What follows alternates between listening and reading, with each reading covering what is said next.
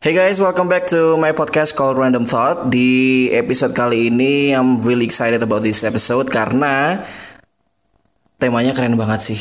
Dan kayaknya sesuai sama kejiwaan. Waduh. Dan kali ini di podcast uh, Random Thought yang episode ini kita bakal bahas tentang mental health.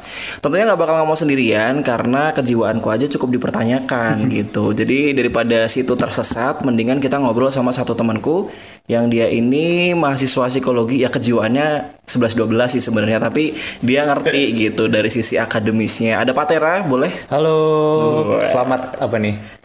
Selamat siang, sore, Selamat- malam oh kan iya, dengerinnya macam-macam. oh iya, baik. Ya kan, baik, baik gue. Patria dan aku bakal ngebahas tentang mental health. Cuman kalau mental health itu kan terlalu general ya, terlalu umum. Iya, bener banget. Tapi kita bakal mengkerucutkan itu ke umur-umur 20 sampai 30-an Iya. awal dan kita bakal ngebahas tentang eh, isu-isu yang populer nih di tema mental health. Ya, Betul? betul sekali. Waduh, Bapak. anaknya formal sekali ya kita. Tidak. Dan tentunya di apa namanya di podcast kali ini eh, ditekankan sekali lagi kita bukan expert ya. Iya, benar. kita bukan orang yang ahli di bidang mental health ini juga, Hmm. terutama Uwe karena Uwe kan ya kejiwaannya dipertanyakan itu tadi. Cuman kita coba coba ngebahas ini karena kayaknya seru aja gitu. benar. Apalagi kan Pak Tera ngebahas ini di eh bukan apa sih mempelajari Iya, mempelajari. tentang hal-hal seperti ini. Iya, benar. Oke, eh tapi boleh dong kenalan dulu ke para pendengar. Bapak, bapak. Bapak-bapak, ibu-ibu, boleh Oke. kenalan dulu. Oh ya, halo semuanya. Aku Patra Adwiko, biasa dipanggil Patra. Instagramnya apa? At P Adwiko. Oke, P Adwiko boleh di Nggak usah follow. pakai spasi. Iya enggak lah. Kalau di Instagram dipakai spasi ya nggak bisa. Oh iya. Pinter banget anaknya. Iya, P Adwiko dari Psikologi UGM. Mm. Terus Udah sih. udah itu aja Udah ya usah aja, bahas iya, yang lain ya. iya, iya, iya. Jadi silakan di follow kalau mau follow Instagramnya @padwiko. Tabnya sekali aja jangan dua kali. Karena kalau dua kali itu unfollow. Iya, Bener kan? Iya. Di blog nggak boleh? Enggak. Di report? Ini aja tap dua kali di foto. Wah, gimana tuh? Oh, di Nge-love. like. Di like. Baik, agak lemot saya ya. Agak mikir. Oke, kita bakal mulai dengan isu mental health yang sekarang tuh lagi populer. Hmm. Mungkin kalau dari aku orang awam nih gitu ya, nggak gitu ngerti tentang eh, apa namanya psikologi. Iya. Isu-isu populer tuh nggak jauh-jauh dari manajemen stres. Ya. Kemudian gimana sih caranya eh, menerima kekurangan Ya. gitu? Karena kan tidak ada yang manusia yang sempurna kalau Iya, kata Buddha Dorce ya. benar, iya. Yang ada kan Kesempurnaan Subhanahu wa Ta'ala. eh, milak. milak apa milak apa lu? Kesempurnaan milik Tuhan biasanya. Nah, tetap di Dorce Show Show Show Iya. kan. Makanya kita eh, apa nggak usah ditahan. Kalau mau ketawa tawain aja. Oke, jadi eh, dealing sama kekurangan-kekurangan kita. Benar. Terus gimana sih caranya ngebedain? Kita tuh sebetulnya stres atau frustrasi atau itu depresi atau kita benar-benar butuh bantuan eh, ahli. Iya benar. Apa sih sebutannya? Eh, bisa dari psikolog ataupun psikiater biasanya. Oke, nanti mungkin kita Mungkin bahas bedanya dulu juga ya. Nah, ada yang masih bertanya. Nah, kita mungkin bahas itu juga. Kemudian mungkin juga yang di umur-umur 20 sampai 30 tuh yang apa ya yang yang banyak dialami adalah relationship nih. Benar. Karena kan nggak cuma relationship sama pacar, tapi sama temen gimana sih caranya milih temen yang sekarang tuh lebih selektif lagi, mungkin kesaring lagi, kesaring lagi Iya. sampai akhirnya kita ngerasa, duh sendirian banget nih gitu. Padahal anaknya emang sendirian doang. Udah dulu ya. kayak Haji ya. Eh, anak yang sebatang kara pergi mencari kitab suci. Eh salah. Beda dong itu kan Sun Gokong. Oh, iya. Nah dari sini aja ketahuan kan kejiwaan kita dipertanyakan sebenarnya. But anyway kita bakal eh, bakal bahas yang pertama tentang manajemen stres. Siap. Silahkan. Ada apa? manajemen stres nih. Kalau Hmm. anak-anak awal 20 itu kan biasanya manajemen stresnya nggak jauh-jauh dari aduh tugas nih tugas Iya, apa iya. segala macam deadline segala macam gitu. Kalau untuk yang udah lulus Duh, kerjaan lagi, Cari kerjaan, lagi, kerjaan, kerjaan iya. lagi atau cari kerja lagi kayak gitu-gitu. Atau mungkin yang common lagi adalah gimana caranya mengendalikan eh, stres di keluarga maksudnya kayak yang kapan nikah gitu, Iya, kemudian kapan mapan. Lah, saya mapan tiap malam di kasur. Iya, saya juga. Makanya. Siang juga iya. Nah itu dia, karena kebetulan kita kebu. Oke, manajemen stres deh boleh dibahas dikit. Eh, sebenarnya kalau tentang manajemen stres ya dari kalau yang aku pahamin sebenarnya stres sendiri kan bisa karena banyak hal ya. Ya, Kayak tadi mungkin udah bagus sampein bisa karena temen atau pekerjaan atau bahkan dengan tugas kampus dan sebagainya. bahkan stres sendiri itu bisa uh, timbul karena kayak misalnya kena macet aja kadang kita Iya, stres iya, ya. iya, iya. Jadi emang stres itu adalah uh, suatu apa ya? Reaksi Ya, yang suatu wajar. ya yang sering kita rasakan karena memang ada stresor-stresor itu adalah sesuatu hal yang menyebabkan stres itu sendiri. Oke. Itu yang biasanya diseru- eh, sering disebut sebagai stresor kayak gitu. Nah, eh, sebenarnya setiap manusia itu hakikatnya itu punya kemampuan untuk menghadapi stres itu Oke. secara alamiah ya. Maksudnya kayak Tuhan itu udah memberikan kita anugerah Paket lengkap Iya paket ya. lengkap. Kayak misalnya eh, kalau misalnya di medis ya, eh, gambarannya adalah ketika kita sakit kita punya antibodi, Iya, kita iya. punya sel darah putih untuk melawan itu gitu. Dan sedangkan di dalam tubuh kita ketika kita mm, mendapatkan sebuah stresor yang akan menyebabkan stres, kita tuh punya kemampuan namanya coping, Oke. coping stress. Nah coping stress ini banyak macamnya. Mungkin kita Aduh, kopingku gatel. Eh, itu telinga. telinga. Wow, so garing. proud of you. terus terus terus terus gimana? Nah, coping sendiri itu sebenarnya eh, ada juga yang eh, sering disebut sebagai ini banyak istilah ya, Iya, Bapak iya, ya. iya. Eh, ego defense mechanism. Oke. Jadi itu emang salah satu Itu bahasa sulitnya lah ya. Iya, itu uh, salah satu pertahanan uh, diri ketika kita menghadapkan dia kita dihadapkan oleh sesuatu gitu. Ada banyak kayak misalnya uh, ada replacement, terus ada juga apa sih? Adalah pokoknya istilahnya banyak itu. Nah, itu sebenarnya kita kalau misalnya memang uh, punya kemampuan coping yang bagus, biasanya stres itu nggak bakalan sampai eh stresor itu nggak bakal uh, semakin parah ya. Oke. Jadi kayak ya udahlah berlalu begitu saja gitu. Tapi memang ada sesuatu stres stres sah stresor stresor stresor tertentu yang pada akhirnya uh, mungkin besar ya pressure-nya besar akhirnya bisa menyebabkan stres. Kemudian gimana caranya menghadapi stres itu ketika kita nggak bisa coping itu nggak berfungsi di ya. Kita sebenarnya salah satunya yaitu tadi kita bisa mencari bantuan. Mm-mm. Mencari bantuan itu nggak telepon 911 ya. Waduh, kalau Kejauhan. sekarang 911 di Indonesia kayaknya juga belum berfungsi Iya, dengan baik ya, ya. mohon maaf ya. Mohon maaf nih Iya, sebelumnya. iya. Jadi eh, cari bantuan itu juga sebenarnya kalau misalnya stres itu belum dirasa di mid, maksudnya dia masih middle lah, Ah, masih menengah itu. Sebenarnya kita bisa aja kayak cerita mencari bantuan itu bisa dengan bercerita, cerita sendiri bisa cerita ke teman atau cerita ya pokoknya ke sahabat, misalnya tentang apa yang dirasakan mungkin kejadian hari ini atau uh, tentang kekesalan hari ini. Atau bahkan uh, hal-hal yang kadang itu secara nggak sadar itu membuat kita stres. Tapi kita selalu merepress itu gitu loh jadi selalu disimpan Oke, dipendam gitu. ha, Emang kalau misalnya kalau bisa sih kalau misalnya dari aku pribadi sih menyarankan untuk menceritakan itu. Tapi menceritakannya juga nggak ke semua orang diceritain ya. Ntar Ya. jadi ini aibnya disebar-sebar gitu kan. Sebar, Iya, apalagi iya. kan zaman sekarang ada tuh yang mulutnya ember, baskom, samudra, Botol. Wah, botol mah kecil dong. Oke, kan berarti, gede. berarti boleh dong diceritakan gitu ya. Ah, Iya sebenarnya sih silakan diceritakan tapi emang ceritakanlah ke orang-orang yang memang Dipercaya. ah, dipercaya. Terlebih kalau misalnya memang teman-teman merasa ketika stres ini udah sangat mengganggu sampai mengganggu pekerjaan atau bahkan nggak bisa tidur atau misalnya sampai ke ada gangguan secara fisik juga. Ini bukan gangguan goib ya sebenarnya. Gangguan secara fisik. Jangan ngebahas itu Oh dong. iya, itu mungkin lain kali. Nah, Gak- apalagi sama Anda. Sedih saya nanti. ya itu maksudnya eh, udah mulai mengganggu secara fisik itu memang sebaiknya segera konsultasikan sih langsung ke psikiater atau misalnya memang psikolog Nah, sorry aku potong nih. Kalau uh, konsultasi ke psikolog ataupun ke psikiater, boleh dong diceritain dikit bedanya apa sih kalau psikolog dan juga psikiater itu? Karena mungkin kan kita orang awam ya dua-duanya sama-sama ahli di bidang kejiwaan gitu. Kalau orang awam lo ya, Iya, iya, kayak gitu. Nah, mungkin ada yang juga belum tahu nih atau Iya. jangan-jangan cuma saya doang yang nggak tahu padahal udah ada Google ya Nah, itu dia. Ah, iya jadi sebenarnya emang banyak sih Gus yang masih belum tahu apa bedanya mengenai psikolog dan juga psikiater gitu.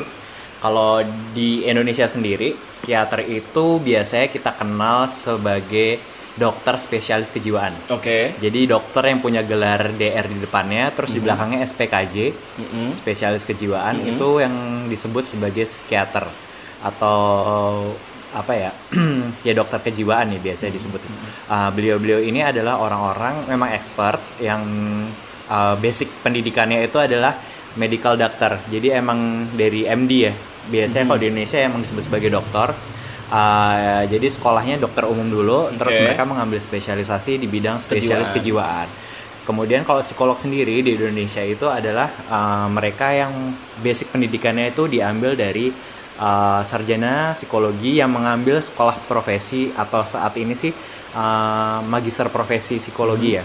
Itu biasanya juga psikolog sendiri yang untuk menangani kasus-kasus uh, kejiwaan yang spesifik yang memang itu kayak skizofrenia dan bipolar dan sebagainya. Itu memang uh, beliau-beliau yang uh, mengambil sekolah profesi psikolog klinis kayak gitu. Karena psikolog sendiri nanti juga akan dibagi dari beberapa cabang juga gitu Oh, keilmuannya. oke. Nah, eh, bedanya apa yang lebih spesifik lagi ketika kita berkonsultasi dengan psikiatri, memang eh, secara harafiahnya ini atau secara tugasnya mereka ini eh, punya kemampuan untuk memberikan medikasi. Medikasi di Oke. sini adalah mereka me- bisa memberikan resep. Istilah kayak Oh, kasarannya gambarnya iya, ngasih iya, resep iya, iya, atau iya. obat-obat karena eh, cabang keilmuan di dokter SPKJ ini kan mereka lebih ke secara mungkin secara neurologis, Oke, kemudian saraf ya berarti ya? terus secara brain. Ya, walaupun sebenarnya itu dipelajari di psikologi, tapi memang kalau di psikolog sendiri kita nggak bisa ngasih resep Gus, ya Oke, ada medikasi, oke, oke. tapi kita bisa memberi intervensi.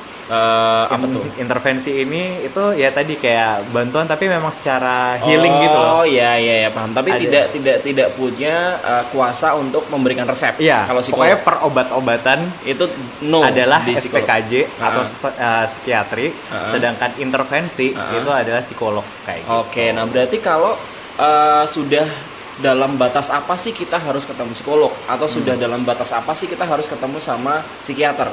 Sebenarnya dua-duanya itu bisa ya, maksudnya memang kan biasanya orang awam itu ya itu bingung ya, maksudnya mau ke psikiater dulu atau ke psikolog dulu. Ah, sebenarnya kita bisa datang ke salah satunya mau itu ke psikiater atau psikolog. Nanti kalau memang dirasa perlu adanya rujukan, biasanya psikolog atau psikiater itu ngasih surat penghantar. Hmm, Jadi oke. kayak rekomendasi untuk kita menemui beliau-beliau atau misalnya ahli-ahli yang lainnya gitu. Kalau memang dirasa gangguan ini perlu pengobatan, biasanya psikolog akan memberikan rekomendasi ke psikiater. Tapi misalnya psikiater ini ternyata sudah diberi medikasi tapi ternyata butuh bantuan intervensi secara bener-bener secara kejiwaan ya maksudnya secara alamiah Iya, gitu lah iya. ya itu baru mungkin um, beliau ini juga akan memberikan rekomendasi ke psikolog jadi emang sebenarnya ilmunya itu saling berkesinambungan sih Oh, apa namanya? Saling melengkapi lah Iya ya. saling melengkapi kayak Komplement. cinta Wow, cinta kepada apa nih? Cinta kepada Rasul. Iya. Aduh. Oke, berarti eh, sebetulnya nggak salah dong kalau misal kita eh, aku ngerasa stres nih atau aku ngerasa ini sudah sangat mengganggu Iya. gitu untuk datang ke salah satu tuh nggak salah. Nggak salah Dan itu sih. tidak berarti sakit jiwa.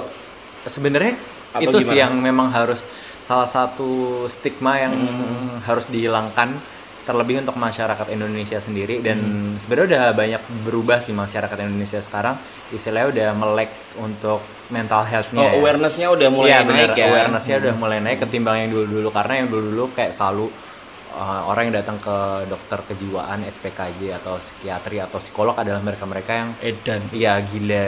Gila, Dikatakan gila gimana? Gila. Kok wagu ya?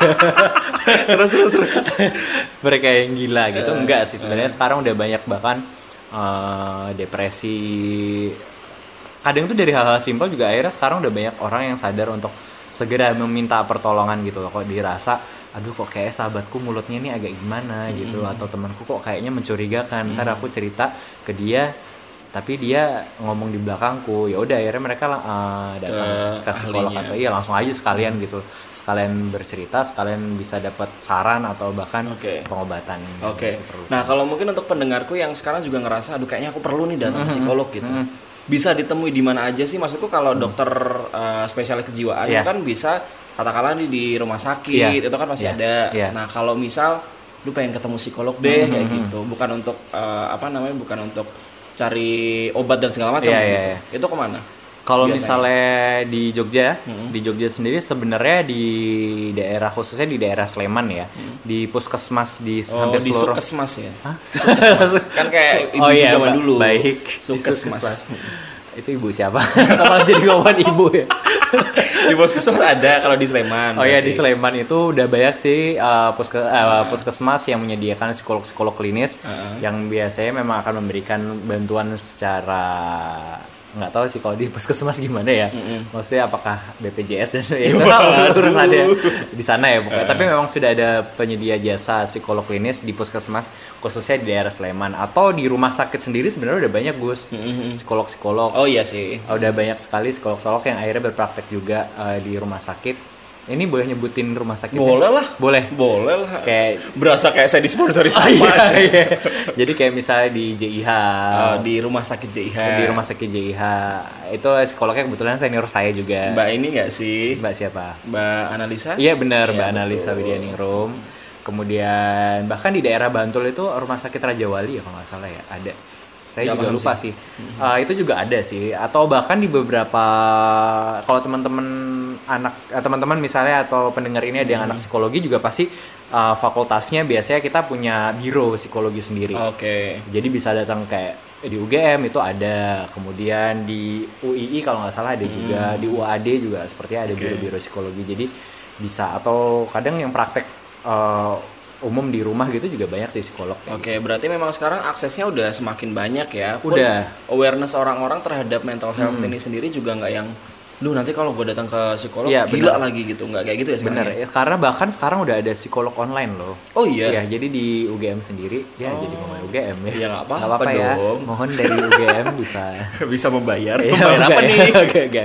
Jadi di UGM sendiri di Fakultas Psikologi UGM sendiri punya uh, website yang disebut sebagai Pijar Psikologi. Mungkin teman-teman kayaknya nanti aku pernah sih Ya, teman-teman nanti mungkin bisa buka lah misalnya kayak udah mulai khawatir dengan Pijar dirinya? Pijar Psikologi. Pijar psikologi dot. Bukan dipijar ya. Nah, itu pijak. Oh, dipijat. Nah, tangannya nggak kelihatan juga Oh, sih iya. kebetulan. Iya, Jadi iya. lu gitu-gitu juga nggak bakal tahu mendengarnya. Iya, bakal baik. bisa ngoreksi Iya, gitu. di pijar psikologi nanti mungkin teman-teman bisa tanya-tanya di situ juga atau misalnya teman-teman ada yang pengen konsultasi langsung uh, karena udah gregetan online juga ngerasa nggak nggak tercukupi untuk Tercukupi ya. tercukupi untuk konsultasi itu bisa buka Instagramnya ada di UKP unit konsultasi psikologi UKP aja atau unit konsultasi psikologi? Uh, coba aja di searching unit konsultasi psikologi oh, yang UGM bener tadi juga apa? Pijar pijar psikologi pijar psikologi. Iya. Nah, di situ uh, bisa tuh uh, konsultasi online. ya atau bisa di situ banyak artikel-artikel Nah, di situ juga dibaca-baca banyak artikel-artikel. Oke. Terus kita nyambung nih ke apa namanya? Tadi kan Pak Tera bilang bahwa ya harus disampaikan gitu Hmm. Hmm. energinya kalau lagi punya masalah, kalau lagi stres dan segala macam. Tapi ini buat orang-orang yang katakanlah karakternya ini introvert, nggak bisa cerita ke semua orang. Iya. Kemudian dipendem dan akhirnya kayak stres sendiri gitu. Iya, nah, itu ada nggak tips-tips yang mungkin entah dia well let's say mungkin dia nulis diary, Hmm. Iya, diary lagi diary. diary kayak apa segala macam atau mungkin dia membuat karya. Hmm. Yang penting tersalurkan atau memang harus nemuin ke psikolog dulu. Sebenarnya emang kalau misalnya orang introvert, sebenarnya aku sendiri juga kadang introvert sih. Wah, kelihatan banget. Oh, iya, iya, makanya. Gak ada introvert yang berdua. Baik. Gimana, Iya. gimana? Jadi emang eh, sebenarnya nulis diary itu juga salah satu eh, bagian untuk Healing ya? Iya, menghealing diri kita sendiri untuk menceritakan ketika kita nggak bisa melakukannya secara verbal, tapi kita bisa melakukannya secara tulisan. Kayak misalnya tadi juga contohnya ketika kita nulis diary kan misalnya Dear Diary, hari ini aku KZL. Bentar, dia eh, diary-nya itu di depan ada Mafa Mifanya nggak? Makanan favorit, minuman favorit, bagus tuh B, Itu- itu- baik orangnya. itu kan binder. Kok bener sih? Iya binder, bukan Itu diary. diary. ya. Tukaran binder kan, isi binder. Iya tapi iya juga sih. Tapi aku Terus ini maaf. Wah, mohon maaf, mohon maaf, mohon maaf. Kita agak-agak ini ya, anaknya agak-agak suka Agak suka agak distract gitu.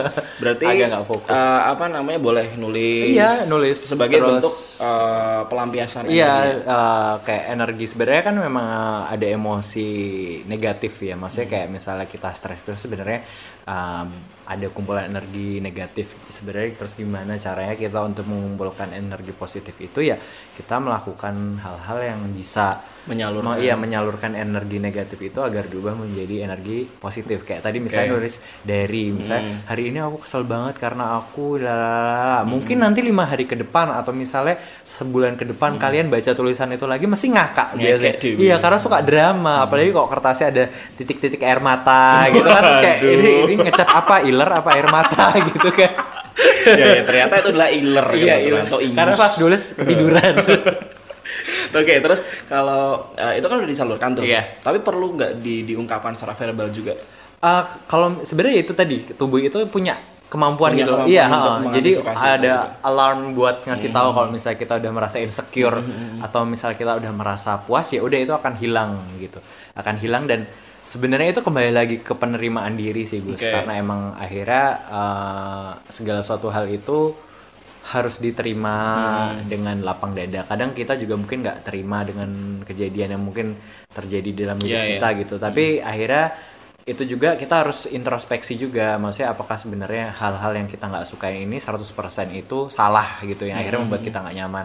Itu juga justru hal-hal yang seperti itu kadang kita emosi itu memang normal ya. Masih kita sedih, kita marah, kita kecewa itu normal. Tapi harapannya sih dari kekecewaan atau kesedihan itu kita bisa jadi belajar sesuatu hal gitu. Ya. yang akhirnya itu bisa jadi pendewasaan diri juga. Oh, Eh, jadi nggak kalau nggak perlu kalau misalnya kita sedih atau marah itu akhirnya seminggu sebulan gitu kan malah ngapain gitu ya kan? Agak nggak guna gitu sebenarnya kan. Buang-buang waktu. buang-buang waktu iya. Nah, jadi ya udah lebih baik ketika itu langsung oh iya ternyata eh, aku kemarin itu kayaknya kok juga kayaknya nggak 100% bener juga ya apa yang aku sampein mungkin itu juga pas lagi sama temen gitu Oke. terus Oke. akhirnya memaafkan diri sendiri dan memaafkan orang lain itu juga salah satu mungkin uh, yang sekarang banyaknya orang gengsi Ya. akhirnya karena hal itu dari nggak bisa memaafkan atau akhirnya mereka uh, berdamai dengan dirinya sendiri malah jadi stresnya sampai ke mana-mana ke pekerjaan ke dan ke sekolah dan sebagainya. Oke,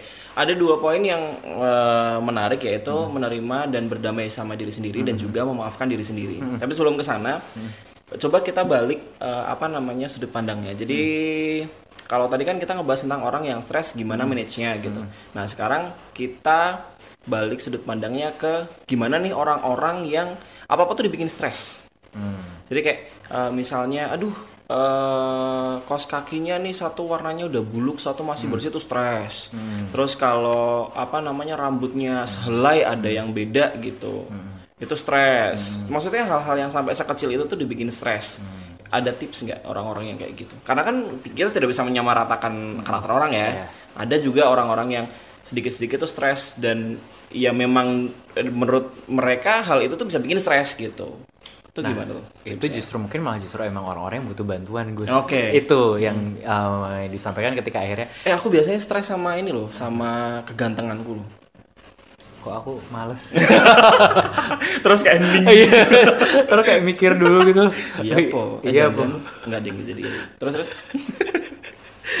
sih mau ngomong out of topic kan Out of topic banyak ini Iya. apa ya. baik nanti Baik nanti. Eh, itu memang sebenarnya justru itu tadi Yang eh, butuh ketika iya justru ketika gini deh kadang kalau misalnya teman-teman yang pendengar ini sedang sendiri Hmm. lagi sendiri coba dipikirin kadang hmm, apakah teman-teman ini termasuk tipe orang yang mudah banget stres Hmm. atau stres yang dengan skala ya ya standar lah Iya, iya. kayak gitu gitu karena emang ketika akhirnya stres itu arahnya dari menengah ke kiri jadi menengah tapi ke arah yang besar ya. Oh, besar. malah justru yang yang pokoknya uh, lebay lah istilah Ah, gitu ah, itu justru malah memang teman-teman atau misalnya mereka-mereka ini adalah orang-orang yang butuh bantuan secara Oke. psikologis gitu karena takutnya apalagi misalnya itu sudah terjadi lebih dari beberapa bulan atau gini gangguan-gangguan psikologis di PPDGJ kalau nggak salah itu? PPD ah lupa jadi pedoman diagnostika gangguan kejiwaan PDGJ. Ah, saya lupa maaf ya bapak ibu dosen yang mendengar Nah, mungkin itu Bapak dosen. iya uh, istilahnya itu jadi uh, di Indonesia Terus kemudian insecure sendiri takut habis itu di, di apa dikoreksi. Iya. Uh, pokoknya ada pedoman Hmm. diagnostika gangguan jiwa gitulah. Itu kalau di Amerika disebutnya DSM mereka punya jadi kayak istilahnya adalah kitab-kitab gangguan kejiwaan itu. Nah kalau di sebuah gangguan uh, disorder dikatakan itu mulai menjadi gangguan atau ya istilah gangguan lah disorder itu ketika itu sudah berjalan setidaknya enam bulan. Itu secara ini ya Patokan secara waktunya patokan ya. waktunya ya. Nah teman-teman coba lihat lagi. Misalnya teman-teman yang denger ini ada yang ngerasa kayak gitu. Oh sih apa apa stres. Misalnya eh sendalnya hilang stres langsung Terus akhirnya goreng-gorengan tiba-tiba upilnya nggak bisa diambil stres Hmm, bener. gitu. Tadi aku juga mau ngomong itu. Iya.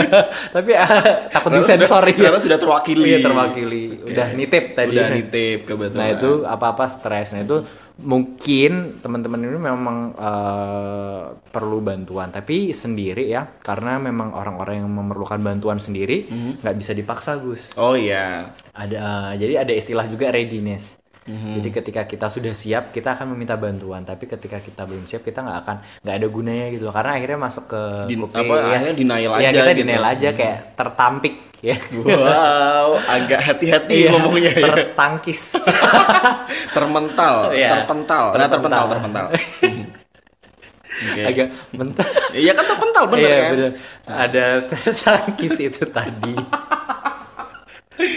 oke berarti eh, Memang harus ada kesiapan. harus ada willingnessnya dari orang Iya, itu sendiri bener. ya Nggak bisa dipaksa bisa kayak dipaksa. orang misalnya kayak eh, aku ngajak eh, misalnya bagus nih Mm-hmm. stres terus kayak aku temannya bagus gitu terus kayak Pak Bu ini eh, saya bawa teman saya ini dia saya yakin bahwa dia 100% adalah orang yang stres mohon diobati atau di gimana itu nggak bisa Nggak bisa. iya jadi memang harus sadar dengan sendirinya eh, untuk membutuhkan bantuan ya itu baru akhirnya bisa kita bantu kayak gitu Oke.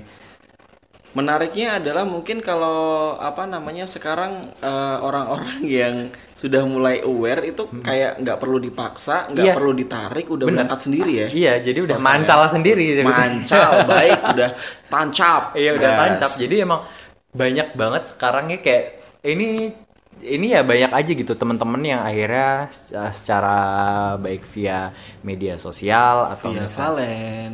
Embo. dari media sosial atau misalnya dari WhatsApp ya itu juga akhirnya kadang suka ngechat maksudnya ngechat Oke. aku gitu kan terus kayak nanya misalnya butuh uh, psikolog tuh tarifnya berapa Oh, iya, Terus iya, ya iya, kan iya. biasanya kayak gitu atau ini Aku pernah lu nanya. oh kamu salah satunya ya berarti Enggak, tapi enggak nanya ke kamu. Oh, nggak nanya ke nanya aku. ke Aku, enggak, oke. enggak. Nanya ke temanku yang dia eh, beneran kerja di eh, di itu psikologi biro UGM. Oh iya iya di Aku lupa UKP sih. mungkin ya. Apa nam mungkin UKP. UKP ya itu jadi memang banyak akhirnya pasti secara nggak langsung orang ini udah mencari usaha berusaha untuk mencari tahu gitu kalau dulu kan kayak psikolog tuh kayak Momok. justru iya yang yang kayak ya momok itu tadi Iya kan? atau misalnya justru kita yang kayak ayo dong datang ke psikolog gitu ya tapi nggak sih Jemput sekarang bola. jemput bola sekarang sekarang jemput bolang enggak Wow. kok krik jadi Garing. iya makasih Baik. Oke, kalau- kita move ke eh, pertanyaan selanjutnya ya. Atau ada kalimat yang ingin diselesaikan? sudah Oke, baik. Jadi tadi ngebahas tentang manajemen stres, Iya. kemudian ada dua highlight yang menurutku seru kalau dibahas Hmm. yaitu tentang menerima atau berdamai dengan diri sendiri Hmm. dan juga memaafkan diri sendiri. Kita mulai sama menerima dan berdamai dengan diri sendiri. Hmm. Kita ini kan hidup di zaman yang eh, apa-apa tuh bisa mencampuri urusan orang lain dengan mudah. Betal. Terus ngelihat orang jalan-jalan ke mana terus ngelihat orang pakai baju apa ngelihat orang pacarnya siapa ngelihat orang tarifnya 80 juta. Wow, amazing. amazing. Itu kadang kita suka iri gitu kan. Iri dan dengki ya. Nah iri dan dengki. Nah akhirnya jatuhnya tuh kita kayak eh, ada kecenderungan pertama pengen ke arah sana. Pengen jadi seperti mereka. Tapi kita tidak sadar bahwa mungkin kita tuh nggak bisa ke sana gitu. Karena mungkin ada beberapa batas yang eh, tidak kita sadari. Mungkin karena kekurangan dan segala macam dari segi finansial dari segi kitanya sendiri dari segi psikologis dan segala macam segala macamnya. Yang akhirnya tuh kita kita jadi tidak menerima diri sendiri. Kita jadi tidak bisa berdamai sama kekurangan kekurangan kita itu sudah sampai tahap apa sih kalau fenomena-fenomena yang seperti itu sekarang? Lagi tentang media sosial nih. Iya iya. Sebenarnya kalau tahapnya sih aku sendiri nggak yakin ya itu ada akan di tahap apa gitu. tapi buat aku pribadi sih ya emang sekarang saat ini kan media sosial itu punya dampak yang besar banget Ya. apalagi dengan ada fenomena selebgram, influencer yang akhirnya tadi itu juga um, memberikan keindahan duniawi dengan postingan mereka gitu. Akhirnya banyak anak-anak atau bahkan remaja atau misalnya dewasa muda yang akhirnya terpicu untuk uh, berada di posisi yang sama dengan orang-orang ini gitu dari influencer ini. Sebenarnya ketika kita punya cita-cita untuk menjadi seperti idola kita itu baik Wajar. wajar. Justru kalau kita punya idola yang memang selama itu positif, kejar gitu. Selama kita kejar itu tapi nggak cuma di awang-awang ya, kita harus punya langkah buat menuju ke sana. Oke. Itu harus jelas gitu.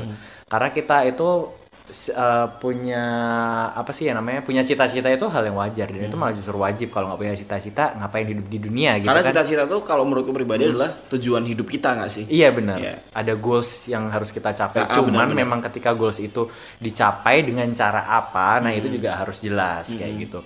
Kemudian apa lagi ya tadi? Wow. Nah, terus kan eh, apa namanya kalau ngelihat yang kesempurnaan duniawi yang ditampilkan oleh selebgram dan juga influenza itu, Influencer. ya kan ini British, Iya, oke. influenza. Influenza. Ya gitulah pokoknya lah. Itu jadi kita tidak menerima kekurangan sendiri gitu. Kita kayak aku bisa kok sama kayak dia gitu. Aku bisa kok jadi eh, kayak mereka gitu dan akhirnya kita nggak nggak bisa menerima diri sendiri gitu. Dan kita cenderung untuk aku sempurna kok. kayak Iya, gitu. iya. Itu termasuk gangguan psikologis juga kah? Eh, itu Atau ya cuman sekedar penyakit hati yang bisa disembuhkan dengan membaca Al-Qur'an? ya mungkin apabila mendekatkan diri kepada Tuhan Nah, yang Maha Esa. Taala. Atau gimana?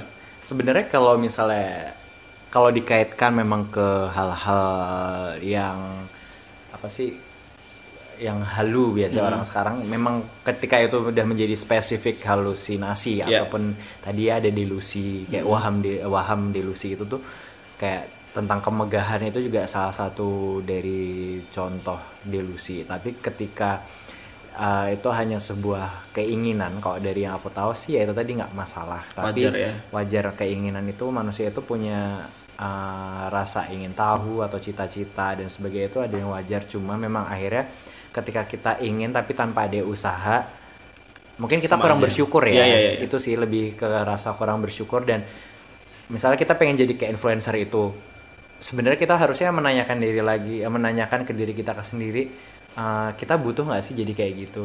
Gitu loh maksudnya seberapa butuh kita untuk menjadi dia? Apakah aku sudah cukup dengan aku yang sekarang dengan kemampuan sekarang? Ketika teman-teman udah merasa cukup terus kem- kemudian ingin berkembang tapi yang positif tadi nggak masalah. Tapi jangan lupa bersyukur sih. Oke. sebenarnya dengan bersyukur sendiri karena memang ada hal-hal uh, secara psikologis itu apalagi kalau di budaya timur ya Hmm. di budaya barat mungkin akan berbeda karena uh, kepercayaan itu kan uh, sifatnya masih sangat relatif istilahnya kayak gitu ya sebenarnya dan di psikolog psikolog timur mungkin kita lebih sifat secara apa ya istilahnya transcendental ya maksudnya kayak Mhm. uh, hal-hal yang kita meyakini ada kekuatan di luar kita yang Oke, akhirnya iya, iya, itu iya. adalah kekuatan sang pencipta gitu loh.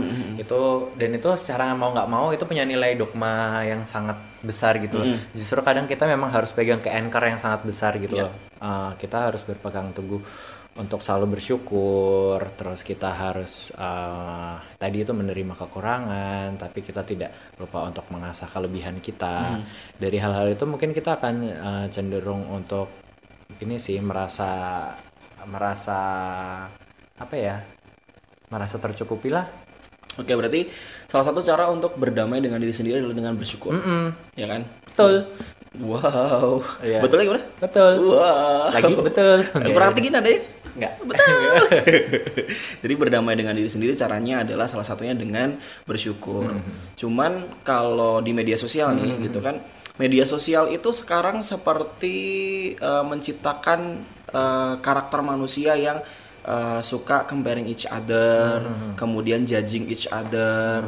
Ada tips nggak sih gimana caranya biar kita tuh tetap bijak gitu dalam memainkan dan juga dalam mengakses media sosial kalau dilihat dari psikologis? Supaya kita tuh tidak ya tetap kita jadi diri kita sendiri tapi nggak yang kemudian eh, terus pasrah dan nerimo ya wes lah aku ngene wae kayak gitu gitu loh Jadi kalau misalnya kayak gitu ya itu tadi sih ketika kita emang pengen menjadi suatu hal yang uh, lebih dari apa yang kita punya miliki nggak masalah tadi.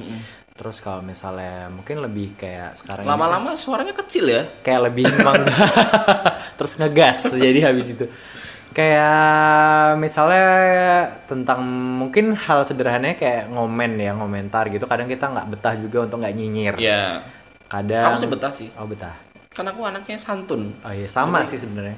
Sebenarnya itu juga kesadaran diri sendiri. itu adalah salah satu titik di mana orang yang udah punya kesadaran diri ketika itu melakukan kita ngerasa nggak ada gunanya, kita juga bakal untuk ngerem untuk tidak Oke. melakukan itu gitu. Oke. Cuman kadang kita nggak bisa menyam eh, nggak bisa ngerem untuk ngetik ya. Jadi kadang suka punya Ya, otak sendiri. iya, benar, benar, Iya benar. kan? Nah, kalau misalnya nggak bisa disampaikan lebih eh, disampaikan dengan sopan lebih baik diem nggak usah komen tapi ketika ingin menyampaikan sampaikanlah itu dengan yang Cara yang cara baik. yang baik yang positif yang tidak memicu kalaupun emang mau komen lebih baik yang membangun daripada menjatuhkan karena memang eh, jadi ada salah satunya jadi ngomongin saintifik nih nggak Ya, apa-apa ya jadi memang ada salah satu guru besar saya di saya kok jadi jadi formal iya, ya jadi guru besar di UGM sebut saja Bubo namanya Heeh. atau Bu Kwartarini. oke Itu memang uh, beliau men- meneliti salah satu tentang psikologi transpersonal Oke. di uh, khususnya di Indonesia ya. Uh, tentang perilaku kenapa sih orang Indonesia tuh selalu minder, kenapa sih orang Indonesia itu selalu nyinyir, kenapa orang Indonesia tuh selalu tertindas. judging oh iya selalu Ya, tertindas. Karena memang itu ternyata ada efek dari zaman dahulu kala. Jadi Iya, kita pernah baca secara sih. uh, evolusi atau revolusi itu kita dulu dijajah beratus-ratus tahun. dan itu beratus-ratus tahun Iya, kita ditindas, kita uh, merasa kecil hati, kita selalu ada di pojok, kita selalu dijatuhkan. Itu secara nggak langsung, secara transpersonal. Jadi transpersonal itu adalah uh, sesuatu energi yang kita nggak sadar tapi kita tuh saling terkoneksi manusia Oh, iya. satu sama lain gitu. Biasanya justru yang paling terasa itu di orang-orang kembar kalau tahu. Ini jadi Oh, agak oke. ngelantur ke mana-mana nggak apa nggak ya? apa-apa nggak apa-apa ini kan Orang-orang. anaknya kan eh, ini apa namanya podcastnya tuh berguna Iya, gitu berguna, agar berguna Iya, bagi, nusa dan bangsa, Mbok mau nitip. wow terus gimana Jadi kayak misal orang-orang kembar, anak kembar atau ibu dan anak. Biasanya s- kalau misalnya ada yang punya feeling, Iya iya iya. kita nyebut orang awam biasanya nyebutnya feeling kayak madek gitu. Terus tiba-tiba Adik piring pecah. Iya, piring pecah atau Ah, apa, apa punya yang firasat, terjadi? hmm, Gitu. banyak nonton drama. Sinetron Iya, dah. terus, terus. Nah, itu itu juga mungkin salah satu hal yang dibahas di kemampuan tra- transpersonal gitu sih. Nah, itu eh, kenapa sih yang menjadi budaya orang Indonesia tuh selalu ngerasa minder, selalu iri dengki itu tadi. Nah, itu juga sebenarnya tanggung jawab kita sih untuk karena budaya itu sebenarnya bisa dibentuk sih. Bisa. Bukan karena orang kadang kadang kan walaupun ngomong- prosesnya mungkin Butuh nggak- waktu yang lama. nggak cepet ya Iya memang butuh waktu yang lama karena kita da- dari dijajah itu aja 350 tahun. Iya. Sekarang Indonesia merdeka aja belum ada 350 tahun kan? Iya, iya, benar, Nah benar, itu benar, jadi benar. memang emang itu butuh proses dan masa itu salah satu tanggung jawab kita juga gitu bersama Hmm. untuk uh, membuat budaya atau habit yang baru agar bangsa ini tuh nggak jadi tertindas. Terus Bener gitu. sih. Aku pernah baca pernah baca eh, beberapa artikel yang juga menyebutkan bahwa Hmm. eh, yang namanya budaya itu kan proses dari Iya, zaman kapan zaman benar, kapan benar. dan diturunkan diturunkan terus kayak gitu dan eh, ngelihat budaya-budaya nyinyir, budaya-budaya minder, rendah hati itu tuh juga salah satu imbas dari eh, masyarakat Indonesia yang dulunya dijajah Penjajahan, sama iya benar sih. Belanda. Digilir loh kita loh. Belanda, Jepang, Jepang, Inggris, Inggris. Portugal, Portugis. eh Portugis, Portugal, lo kata Cristiano Ronaldo. Makanya memang wow. Sebenarnya ini juga jadi ngebahas ke yang lain ya. Hmm. Mungkin ini kaitannya juga tentang mental health. Kenapa sih masyarakat Indonesia itu atau daerah uh, Asia Tenggara atau Hmm. Asia lah pada umumnya uh, itu selalu uh, secara nggak langsung kita Yeah. tuh selalu merasa itu kayak kita itu kita tuh bisa apa gitu Aku kayak ki sopo "Ah, ah, sih," aku gitu. remuan apalah dulu istilah Remuan remuan peye. Eh, tapi remuan peye itu padahal enak loh. Encen ho, aku yo ho, nganggo anu apa? Nganggo siwir-siwir sego anget. Uh, enak sambel. Lapar ya. Eh, lapar dong. Nah itu juga sebenarnya hmm, secara nggak langsung sebenarnya suatu negara itu kita sharing ya suatu negara itu dibangun karena dari cerita dari ceritanya itu Hikayat. iya hikayat Wow. tapi emang iya bener loh percaya nggak sih Heeh. kebanyakan cerita di Indonesia secara sadar ataupun nggak selalu dimulai dengan pada suatu hari di sebuah Iya. desa Iya iya iya iya. Iya iya. sebuah Setuju, desa setuju. itu membuat kita merasa kecil gitu Mm-hmm, karena kita nggak pernah suatu hari di sebuah kota yang besar yang mega metropolitan coba bandingin dengan negara-negara barat Superman-nya mereka superhero mereka selalu di- dibangun dengan gedung-gedung yang tinggi Betul. mereka selalu keluar dengan menjadi seorang pemenang sebenarnya nggak ada yang mendeklar bahwa misalnya contoh sebut aja USA itu negara adikuasa Iya iya. tapi memang karena dari uh, cerita historinya mereka mereka selalu keluar menjadi seorang pemenang dan itu ditonton kesuksesannya itu ditonton sama seluruh dunia jadi Mhm. mau nggak mau kita secara sadar dan nggak sadar kita tuh terbangun bahwa Amerika adalah negara, Negara adikuasa adikuasa. Wah. Iya kan? Iya iya. coba iya. Indonesia yang dulu diceritain pada suatu hari di atas Tugu Monas Mhm. mungkin gitu atau pada suatu hari di jembatan Ampera dibangunlah pada suatu hari di Tugu Golong Gile. nah itu kan lebih itu Jogja itu juga bangga loh. Iya, Tugu makanya Gile. Terus misalnya apalah gitu jangan jangan pada suatu hari ada bawang merah bawang putih cerita tertindas lagi Iya iya iya Iya kan? iya, iya. Oh iya juga sih, make sense sih. Make Iya. sense. Iya iya iya. karena anak-anak kecilnya dari, dari kecil diceritain yang sedih Padahal kalau dari kecil itu juga eh, bisa kayak apa ya kayak ngerekam semua memori walaupun secara nggak sadar iya gitu secara ya. nggak sadar memang akhirnya tadi balik lagi ke transpersonal gitu Oke oke. Nah ini kita eh, apa namanya sampai ke tahap memaafkan diri sendiri sampai ke poin memaafkan Hmm. Balik diri lagi, sendiri. ya. Tadi kan berdamai nih, Iya. berdamai sama diri sendiri. Nah, kalau memaafkan itu mungkin eh, untuk orang-orang di umur 20 sampai 30-an nih, Hmm. memaafkan diri sendiri itu jauh lebih sulit daripada memaafkan orang. Hmm. Kalau menurutku. Kalau aku nih katakanlah nih buat salah sama orang gitu Hmm. dan itu salahnya gede. Itu akan sangat susah memaafkan diri sendiri, kemudian cenderung untuk pretending like there's nothing happen Iya, gitu. iya, iya. Kemudian kayak ya udah gitu. Padahal itu kan sebenarnya harus diselesaikan kan. iya iya benar Itu gimana tuh? kalau misalnya memang kayak gitu ya ya itu tadi balik bahwa semua orang itu kalau buat aku pribadi ya Hmm. buat aku pribadi mungkin aku cenderung orang yang eh, mudah memaafkan juga sih untungnya gitu mudah Hmm. Diri sendiri atau orang lain? Eh, semuanya sih Dua-duanya. Eh, Oke. orang lain dan aku mungkin karena aku juga akhirnya belajar ya maksudnya ketika ada suatu kejadian aku lebih melihat segala suatu kejadian adalah sebuah pembelajaran. Jadi aku melihatnya sisi positif bukan uh, bahwa suatu kejadian itu harus dicari mana yang salah dan mana yang benar. Tapi lebih melihatnya sebagai suatu oh mungkin aku kurangnya di sini. Justru dengan Bahan iya, evaluasi ya? justru ketika aku merasa itu kurang berarti aku harus menjadi lebih baik. Mhm. kayak gitu ya. Nah itu juga sebenarnya yang teman-teman pendengar juga mungkin bisa mulai aplikasikan dari sekarang ya. Jadi melihat segala sesuatunya itu dari perspektif yang berbeda.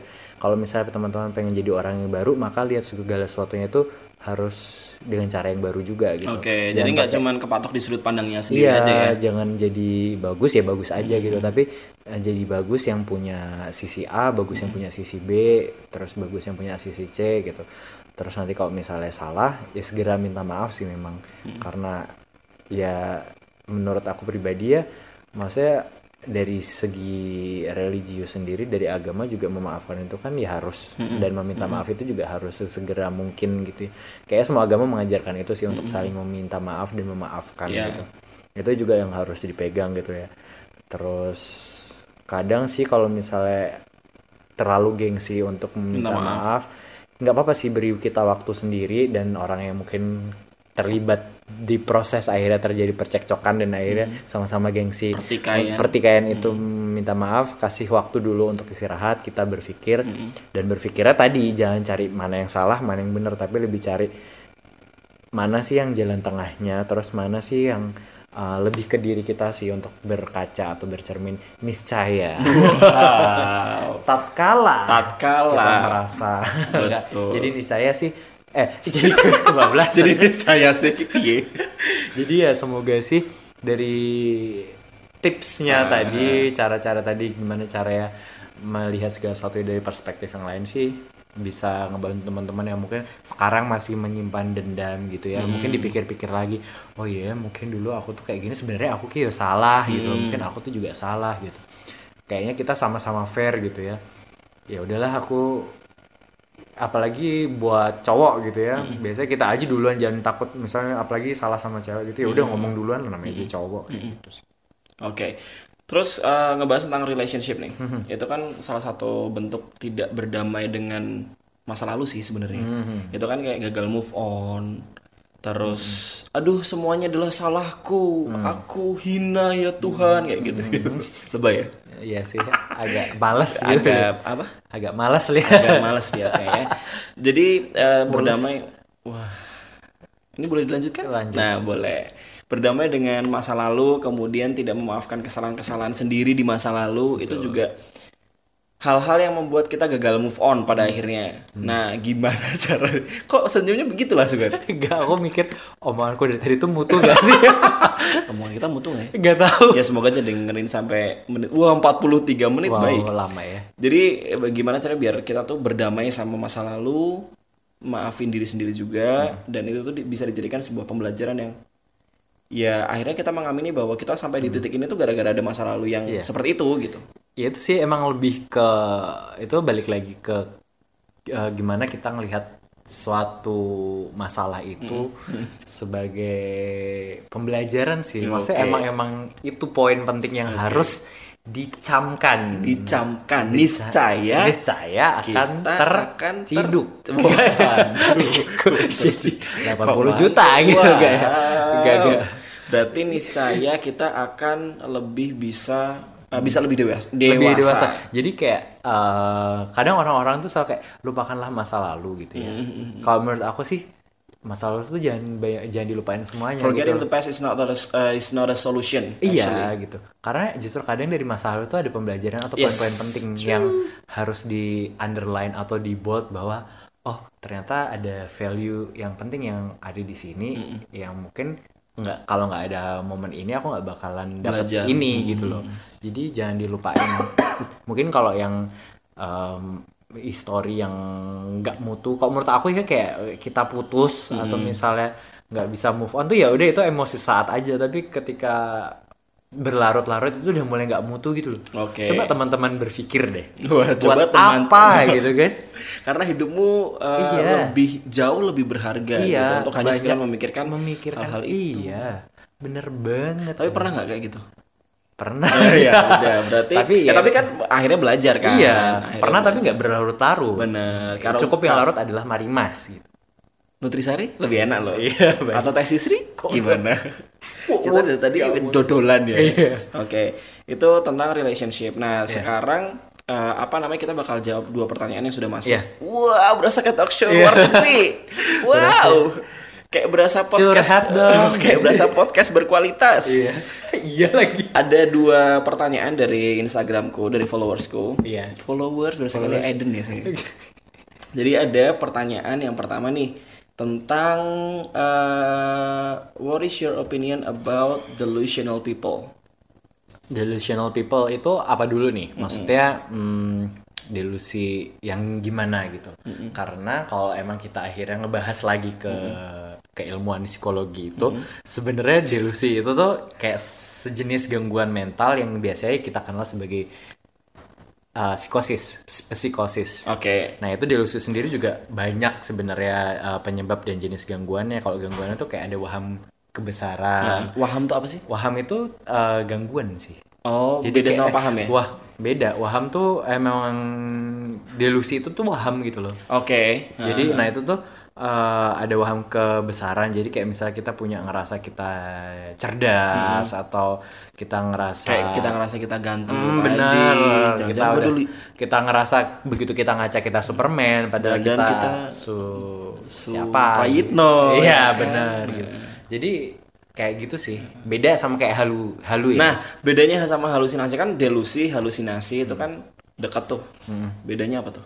Kalau halu itu biasanya memang itu udah mulai terasa secara panca indera Oke. Jadi misalnya ketika kita udah mulai melihat sesuatu yang sebenarnya nggak dilihat orang lain atau kita merasa mendengar bisikan-bisikan, bisik-bisik nggak ya? Itu Bisik. biasanya kayak di waduh, jokesnya patah nggak ditanggupin lagi. Iya, nggak apa-apa, Itu- apa-apa. Udah itu biasa. Biasanya ini nggak sih kalau aku pernah baca sih kayak menyerang di orang-orang yang siso. Iya iya Kayaknya. benar-benar orang schizofren itu salah satu tanda-tandanya itu adalah mulai munculnya halusinasi. halusinasi. Yang munculnya halusinasi sendiri itu tadi bisa Oke. Secara auditori. Mungkin simpel simpelnya kalau kalau dari pemahamanku halusinasi itu nyerang ke panca indera dan bisa dirasakan secara panca indera gitu kayak Hmm. Bagi bisikan, orang yang bagi orang yang uh, mengidap mengidap ya. ya.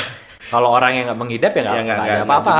Kayak dari panca indera eh, pendengaran, penglihatan, bahkan penciuman dan Hmm. eh, indera perasa mungkin ya. Tapi kalau delusi itu adalah semacam gangguan tapi si orang ini tuh meyakini bahwa apa yang tidak ada itu ada dalam dirinya. Mm-mm, biasanya sih kayak kayak gitu ya. Nah, Oh, Kayak merasa dia kaya, dia cerdas padahal mungkin enggak. ya, nah itu eh, gimana caranya tadi ya menyikapinya gitu? Ya kita menyikapinya seperlunya aja ya. Untuk orang-orang delusi itu ya kita eh, kalau masih aku pribadi sih lebih kayak ya aku nanggepin kayak biasanya tapi nggak. Terus akhirnya membuat dia merasa semakin besar misalnya kalau misalnya delusinya dia uh, berkaitan tentang grande itu ya jadi sesuatu yang besar dia merasa dia punya wah atau dia merasa cerdas dan sebagainya gitu jadi kayak oh iya ya gitu langsung oh ya udah kayak, gitu aja Oh berarti tidak tidak tidak kemudian yang kita ikut-ikutan menambah-nambahi Hmm, cerita-cerita. takutnya nanti dia terpicu, tertrigger itu tadi, akhirnya malah dia semakin Delusi. Iya, semakin delusi gitu. Kalau misalnya memang perlu membatasi diri, ya walaupun akhirnya kita berteman nggak boleh pilih-pilih ya, tapi memang kalau misalnya dirasa itu sudah hmm, Cukup iya mengganggu.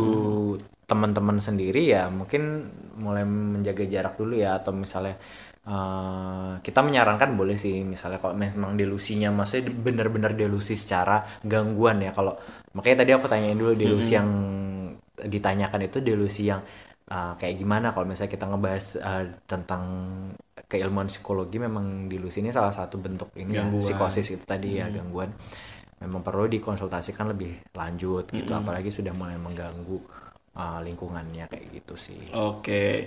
Dan apa namanya tadi kan dia eh, bertanya, oh iya Instagramnya adalah @lunalsenja. Belum tak sebutin nih tadi. belum Oh iya belum siapa namanya @lunalsenja sebenarnya Oh, iya. eh, Eki namanya Oh, temanku. oke. baik Eki gitu Eki, ya. Om. Jangan ini jangan dipanggil dengan suku kata pertamanya. Jadi panggilnya harus Eki. iya Jangan eh gitu. Iya. Jangan diulang juga. Namanya Iya. jadi, eh, eh, gitu. Disebut lah. Oke. Terus yang kedua ada dari Anindita Putri. Terima kasih banyak. kayak Terima kenal kasih. ya Anindita Putri Enggak itu temanku SD. oh Sekarang itu Anindita. Putri ding sorry Itu Anindita Kusuma Putri. Iya. Putri Indonesia. Iya, itu Putri Indonesia. Udah mulai agak halu Iya. kebetulan. Eh itu bukan halu ya? Bukan halu. Oke, baik. nggak tahu imajinasi Oke, jadi Anindita Putri ini nanya, gimana caranya eh, caranya ngadepin orang lebih tua yang melakukan verbal bullying dan hal itu tuh bikin trauma. yang pertama kalau misalnya itu udah menjadi trauma Hmm. justru si orangnya itu kita minta tolong dulu sih tadi minta tolong bantuan karena untuk trauma sendiri kita nggak mungkin kayak langsung me, me- apa sih melaporkan si orangnya dulu kalau kita belum mengobati diri kita sendiri. Karena kita sendiri belum stabil. Kalau memang itu benar-benar terjadi trauma. Sebaiknya kita langsung segera konsultasi. Nah dari konsultasi itu biasanya akan diberi saran-saran. Uh, apalagi sarannya ini memang kalau dari psikolog sama psikiater itu kan punya trik-trik khusus ya untuk menghadapi orang-orang yang bullying. Tapi kalau misalnya emang ada orang yang bullying, kita uh, atau misalnya kita ini deh, jangan jadi ketika ada orang yang dibullying itu kita jadi orang yang bystander. Bystander itu istilah kita cuman kayak uh, misalnya di tempat umum, mai- baik itu di mall atau di tempat makan, misalnya ada orang yang dibullying, itu kita juga harus ngebantu orang yang Oh, merasa di jangan bystander itu cuman kayak ngeliatin doang. gitu. Atau ngerekam. Iya, sebenarnya dengan dengan orang itu tuh nggak butuh direkam atau diliatin orang itu tuh sebenarnya butuh dibantu. Nah, tapi dibantunya juga kita nggak usah kayak ngebentak si orang yang ngebully gitu. Iya, iya menampik tadi ya. Iya benar-benar. menepis gitu. Oh, enggak. menepis, menepis, Iya, menepis itu enggak gitu.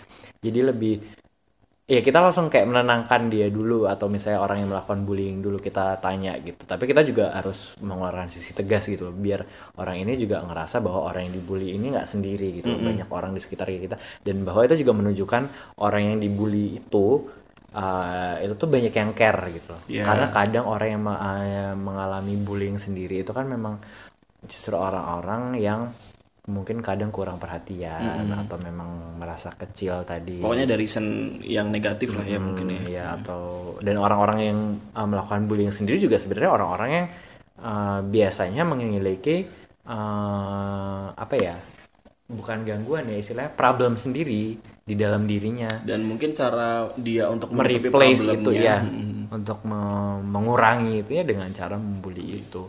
Jadi kalau memang orang yang lebih tua membuli ya eh, ada orang tua ada orang yang lebih tua membuli kita apalagi menyebabkan trauma yang pertama kalau yang misalnya akan aku lakukan sih mungkin aku akan menghilangkan traumaku dulu atau setidaknya mengurangi traumaku dulu ketika itu stabil dan aku meminta saran dari uh, beliau-beliau yang memang expert gimana cara menyikapi uh, orang-orang yang bullying sendiri. Terlebih kalau misalnya emang orang yang lebih tua ini berada di lingkungan kerja atau di lingkungan uh, apa sih circle kita itu kan kita nggak otomatis susah untuk me- menghilangkan dia Iya, iya. gitu ya 100% mungkin dari saran-saran dari kayak psikolog dan psikiater itu akan membantu kita untuk mulai membangun kepercayaan kita atau kita malah justru bisa melawan uh, orang yang membuli ini tapi dengan cara yang lebih baik. Dan lebih elegan. Iya elegan dan Oke. classy Aku kepikiran satu pertanyaan nih. Iya. Eh, tiba-tiba sebelum kita tutup ya, karena sudah hampir sejam. Iya, Luar baik. biasa gak sih? Iya. Ini podcast terpanjang. oh iya Gila sih, ini dapat award sih harusnya. Hmm, makasih Baik. Baik. Iya. Aku kepikiran kalau dari sisi kita nih sebagai Hmm. manusia, kan pasti tuh ada tuh orang-orang yang curhat ke kita. Iya. Nyeritain masalahnya ke kita. Mm. Gimana sih cara ngadepin eh, orang yang doyan curhat? Hmm. Atau eh, gimana sih sebetulnya reaksi yang betul ketika ada orang yang curhat ke kita? Apakah Hmm. kita harus serta merta langsung, kamu tuh harus gini, kamu harus begini, kamu harus begini dan segala macam, atau kita cukup mendengarkan, Hmm. terus kita tanya, kamu butuh dengar pendapatku nggak? Nanti kalau butuh, aku kasih tahu bla bla bla bla. Hmm. Atau seperti apa sih sebetulnya reaksi pertama yang harus kita lakukan sebagai insan biasa dalam mendengarkan curhatan insan yang lain, Iya. agar terjadi habluminanas. Iya.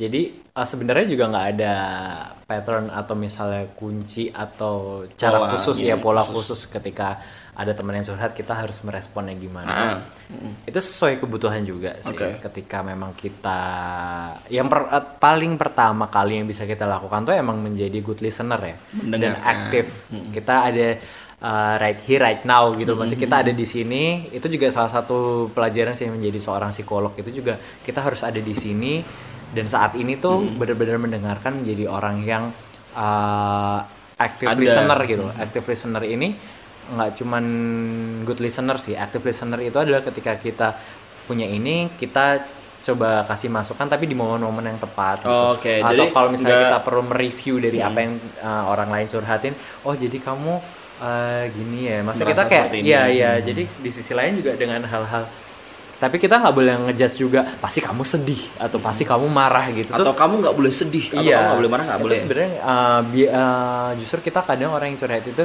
cuman butuh didengarkan dan dipahami sih. Ketika kita oh kamu ternyata ini yang ngerasa kayak gini ya. Ya sebenarnya nggak harus kayak aku omongin deh oh Hmm. kamu harus ngerasa gini. Maksudnya ada banyak sekali cara untuk menyampaikan kepedulian atau simpati atau empati kita dari Hmm. orang-orang yang curhat dan ya itu tadi sih nggak ada setahu aku sih nggak ada pattern khusus untuk merespon memang tapi uh, kita juga harus ngeliat dulu ketika teman itu curhatnya menggebu-gebu kita tetap jadi orang yang netral jangan terus kayak wah iya tuh dia juga kok kemarin Oke. gitu malah jadi tambah Malah jadi kompor ikut-ikutan kan sebel ya. Iya, jadi kompor gitu sebaiknya Jangan. dihindari oke Hujan. baik itulah dia obrolan kita tentang mental health yang sampai 57 menit gila sih. Tapi kita kayaknya harus bikin part 2 sih kayaknya. oke. Ya besok kalau ada part 2 mungkin ada yang mental health-nya oh enggak ya? Apa? Ada yang mau tanya lagi? Udah. Oh, kan udah cuma ya? dua. Oh, iya. dibatasi. Cuma dua aja. Karena pertanyaannya cuma dua aja sampai hampir satu jam. Nanti kalau pertanyaan 999 tiga tahun nanti podcastnya. Nguploadnya Sedih, susah. ya. gitu. Nah terakhir deh closing statement tentang mental health apa yang pengen kamu sampaikan? Tentang mental health ya lebih ngajak sih semua pendengar teman-teman semuanya ketika teman-teman itu ngerasa sendiri atau sedih atau sedang merasa dirinya itu ada yang nggak benar segera minta bantuan. Bantuan itu tadi juga bisa ke teman ke sahabat bahkan ke keluarga. Keluarga itu orang-orang circle kita yang paling dekat ya. Pasti bisa cerita ke ibu atau ke bapak gitu. Atau misalnya memang teman-teman butuh nulis diary tadi itu juga ketika stres itu bisa dilakukan. Atau bahkan ketika teman-teman merasa bahwa insecure itu udah semakin menjadi-jadi segera aja sih datang ke ahli bisa ke psikolog ataupun ke Psikiater. psikiater gitu. Sesuai kebutuhan karena sekarang sendiri udah banyak kok psikolog dan psikiater yang berada di kotamu. Wow, kunjungi psikolog dan psikiater di kota eh salah di biro terdekat, di terdekat kota di kota- Anda. apa? Kota kota Iya kayak gitu sih dan tetap menjadi manusia yang selalu bahagia, selalu ma- eh, menjadi manusia yang positif, menebarkan energi yang positif. Positive vibe. Iya selalu positif, maksudnya di mana pun kita berada eh, bisa selalu membawa energi-energi yang baik biar orang-orang di sekitar kita itu atmosfernya juga merasa That's true. bahagia gitu. Kalau misalnya kita udah cemberut, buat apa hidup gitu kan? Lebih baik akhiri saja gitu. Sebenarnya ini nggak mengajak ya, maaf ya teman-teman dan pendengar. Tidak mengajak, Tidak tapi mengajak, menjerumuskan. menjerumuskan. Enggak ya makanya itu tadi maksudnya biar teman-teman tuh semangat untuk hidupnya, Ya. semangat untuk selalu selalu positif intinya itulah. Dan mungkin kalau tambahan dari aku adalah eh, kalau lo punya masalah, jangan ngerasa kalau masalah itu tuh masalah yang paling berat sedunia. Betul, karena di luar sana banyak orang Banyak orang juga. Coba anda datang ke Palestina, Iya. ke Rohingya, ke negara-negara yang sekarang lagi Ini ya, berseteru itu konflik ya. konflik itu wah Itu juga banyak loh ternyata. kita masih mending loh nafas itu masih udaranya bersih di Dan sana pakai debu loh di Cina udara bersih sudah dijual sekarang. iya tuh biasa tidak. iya Wow, Wah, di negara asal aku air aja sekarang kita masih bisa dari sumur masih ada gitu masih kan ada. coba di negeri-negeri masih itu bayangkan teman-teman Negeri Wakanda. makan susah makanya kita harus selalu bersyukur tadi sih paling Bersyukur. penting. ketika bersyukur niscaya Oke. nggak tahu apa Jamaah. Eh, iya udah Iya itu dia. Oke, itu eh, yang bisa kita obrolin di episode kali ini. Terima kasih banyak Pak Tera. Iya, sama-sama. Makasih juga bagus. Udah hampir di, Di mana? podcastku loh. Kok Balik ya? dong, ini podcast saya loh. Kalau kamu pengen tanya-tanya ke Pak Tera juga boleh ke @padwiko, P A D W I K O Iya, di, di Instagram. Instagram. Bisa by DM. Jangan komentar ya. Ntar di situ pada julid lagi. Nah, pada julid karena kebetulan circle kita julid semua. Iya. Atau kalau kamu pengen eh, usul tentang tema selanjutnya atau mungkin mental health pengen dibahas lagi, boleh deh DM aku ya di @aryobagus underscore s. Silahkan di situ bisa dibahas juga kalau kamu punya pendapat yang lain. Karena kemarin pernah nih ngebahas tentang duta wisata, tiba-tiba ada yang DM kayak gini, eh apa namanya? Aku tuh rasa-rasanya pas ngedenger eh, podcast yang itu jadi pengen ikut ngobrol sama kalian gitu. Oh, gitu. Mungkin kita bisa podcast live. Wah. Oh iya boleh mungkin. Boleh juga. Lain waktu lain kesempatan. Sekian podcast kali ini. Udah satu jam. Burung Irian Burung Cendrawasih. Cukup, sekian dan, terima kasih. Sayonara.